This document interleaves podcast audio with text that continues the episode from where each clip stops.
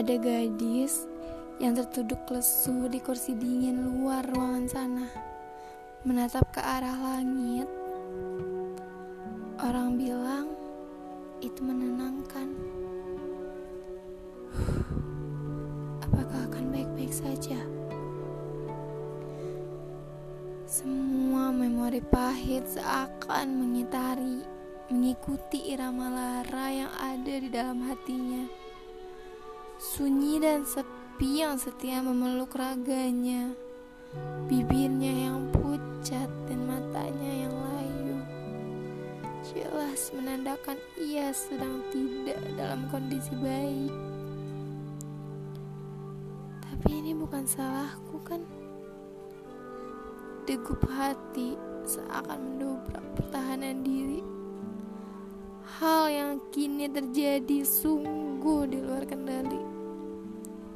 Ia kira menjadi korban hanya ada dalam drama yang ada dalam novel atau siaran televisi. Namun ini benar adanya. Setelah sekian lama waktu berlalu, membangun kondisi diri yang kurang kuat pada dirinya, gadis itu tumbuh dalam kenyataan yang tidak diinginkan. Berulang kali bibir yang pucat dan mata yang layu sering memakan habis wajahnya. Semua hal yang sudah terlewati atau bahkan yang sedang terjadi tidak luput dari masa lalu yang terus menghantui. Hari yang menurutnya akan seindah pelangi, mimpi yang hebat bukan lagi sesuatu yang perlu ada dalam kepalanya.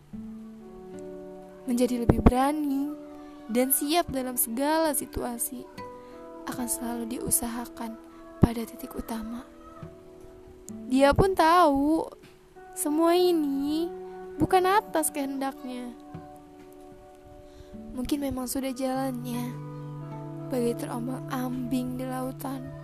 Bisa kapan saja bertemu hujan badai atau barangkali angin mengamuk. Tidak pasti kapan berlabuh atau yang lebih pahit tidak akan pernah ada. Sungguh lemah perasaannya. Hingga siapa pun bisa saja mudah membuatnya hancur. Bahkan hanya dengan getaran kecil atau sebatas kata-kata ringan namun bermakna begitu dalam baginya. Emosi yang tidak memiliki konsistensi sebab sejak saat itu ego dan Sandu tidak segan berargumentasi untuk memimpin diri. Dia masih seperti itu dan kali ini akan jarang ditemui. Ia sudah melatih diri untuk terus sembunyi, sembunyi, dan sembunyi. Dia masih seperti itu. Tubuh yang semakin tinggi tidak menutupi dalam diri. Tentu saja yang masih berukuran gadis kecil dengan tatapan hampa. Dia masih seperti itu. Tawanya terdengar keras dan menguasai Amarahnya menyebalkan demi menutupi kelemahan. Dia memang selalu lepas diri, selalu dalam diri. Tidak akan berubah.